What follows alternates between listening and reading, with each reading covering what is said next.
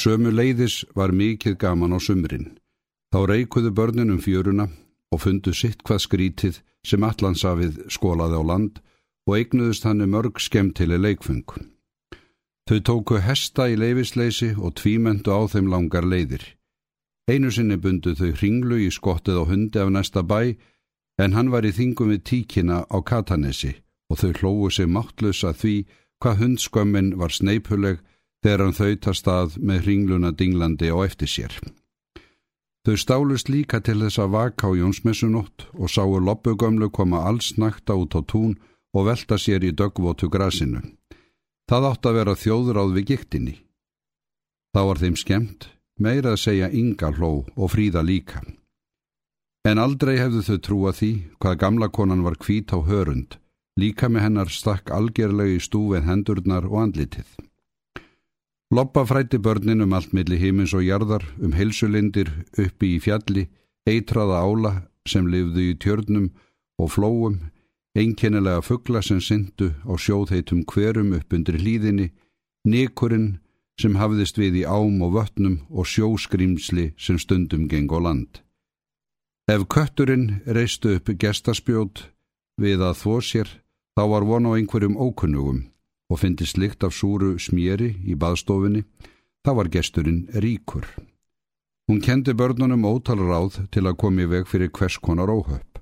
Á hverju gamláskvöldi gekk loppa gamla sexinnum kringum bæin með kertaljós í hendi, þrísvarsinnum réttsælis og þrísvarsinnum rángsælis og tautaði sífellu fyrir munni sér.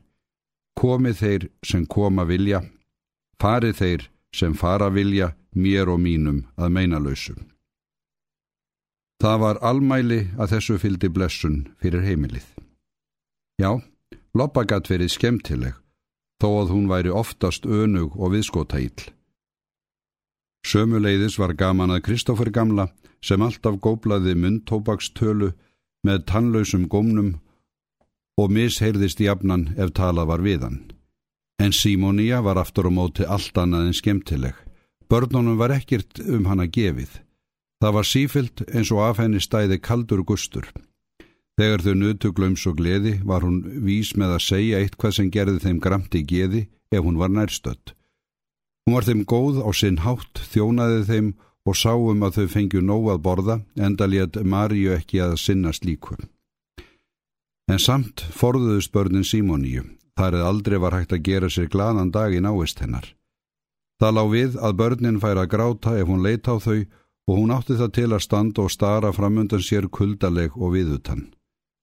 Það var aðeins hægt að linda við hana þegar svo bar við að Sölvi kæmað katanissi. Sölvi var líka sá besti og skemmtilegasti maður sem börnin þekktu. Hann sagði öllum betur frá og talaði alltaf við þau eins og fullorði fólk. Þeim þóttu öllum fjarska væntum hann. Alltaf gaf hann þeim eitthvað sem gaman var að. Jafnvel Ragnar mat gafir hans meira en allt það sem foreldrarnir let af hendi rakna við hann. Sölvi gaf þeim menn og dýr sem hann hafi sjálfur skorið út, myndir af undrafögrum borgum og töfrandi landslægi sem þau hafði aldrei dreymt um að til væri. Hann teiknaði líka myndir af börnunum og þær voru svo spauilegar að yngu tali tók. Þau stóðu þarna á öðrum fæti og göluði eins og hanar eða riður ángsælis á tutta. Gunnu teiknaði hann með sítt vangarskegg og ragnar í kvennmannsfötum með reykjarpípu í munninum. Allt var þetta svo einstaklega skemmtilegt. En Sölva bar sjaldan að gardi, aðeins tvísvarsinnum á ári. Aldrei kom hann þó svo, hann dveldi ekki á Katanesi og oft satt Haldur og tali við hann laungum stundum. Dagarnir sem Sölvi var gestkomandi gengur næstu jólunum að áliti barnana og þau voru alltaf döpur í bræði fyrst eftir að hann var farin. Annar eftirsoknaverðasti leikvöllur barnana var fjaran kringum árósinn. Það var svo gaman að klifra í einkennilegu blágrítiströngunum þar og fari féluleik. En svo eitt vorið kom fyrir einkennilegur og óviðfeldin atburður sem var til þess að börnin hætti að leika sér þarna. Þetta var skömmu eftir vorleysingarnar og áinn enni vexti, gul, mórauð á lit og döynil eins og oft ber við um jökulvatn. Þá var það daginn að Gunna og Ragnar sáu eitthvað í sandinum á árbakkanum og þegar þau gættu betur að reyndist þetta hauskúpa sem áinn hafði skólað þarna upp. Börnin hafðu heyrt að talað um kirkjuna sem lagðist af og vissað áen rann þverti í gegnum kirkjugarðin og þarna lág hauskúpa, blökka velli með djúpar dökkar augnatóttir og gular tennur. Þau snert ekki við henni en börnin söpnuðust saman umhverfis hana og störð á þennan óhugnalega fund sinn eins og í leiðslu. Þetta var á heitum solskinstegi en gleði barnana vek fyrir ólýsanlegum dapurleik og hryllingi og þó voru þau eins og heitluð. Hauskúpan gein við þeim í gulum sandinum og börnunum var skapið næst að hlaupa leiðarsinnar en gátt ekki hreift sig úr stað. Það var eins og þessi undarlega sín hefði felt þau í dróma. Þegar þau gáttu svo sliti sér laus, hlaupu þau brott eins og fætur tóguðu. Ragnar og Gunna í brotti fylkingar heldust í hendur, Upp frá þessu leku börnin sér aldrei við árósin en sögðu heldur aldrei fullorna fólkinu frá því sem fyrir þau hafði borið. Þau gáttu aldrei glemt þessum atbyrði sem var þeim ráðgáta og fyrirbóði hins dölarfulla og ægilega. Minnistæðast var þetta þeim gissuri og fríðu enda voru þau næmust fyrir öllu slíkum.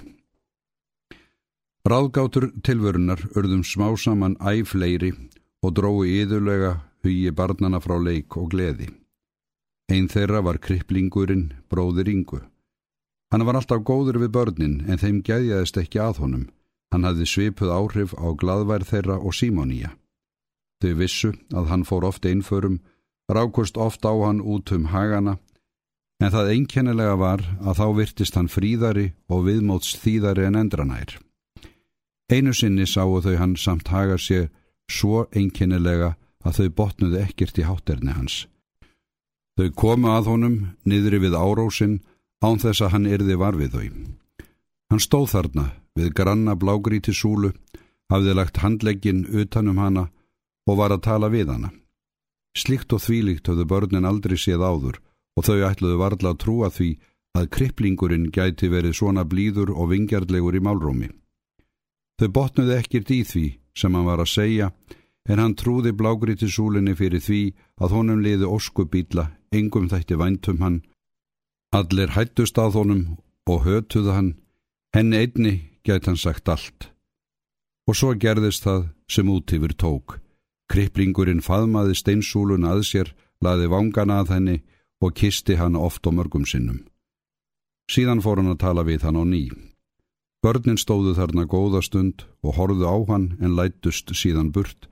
Þetta var svo dularfullt að þau fengust varla til þess að tala um það sín á milli, en þeim var þetta ærið umhugsunarefni. Þetta var háalvarlegt og dularfullt, og þó svo spauilegt. Það var bæði til þess að hlæja því og gráta. Þau myndust heldur aldrei á þetta við nokkur mann. Önnur ráðgátan var afstafa Haldórs og Salvarar hvors til annars. Gissur hugsaði mikið um það mál en komst ekki að neittni niðurstöðu. Ragnar vissi mest um þetta. Hann skildi miklu meir en fullorna fólkið hafði hugmynd um. Því var það að Ragnar Samuelsen fyrirleit móður sína því meira sem framliðu stundir.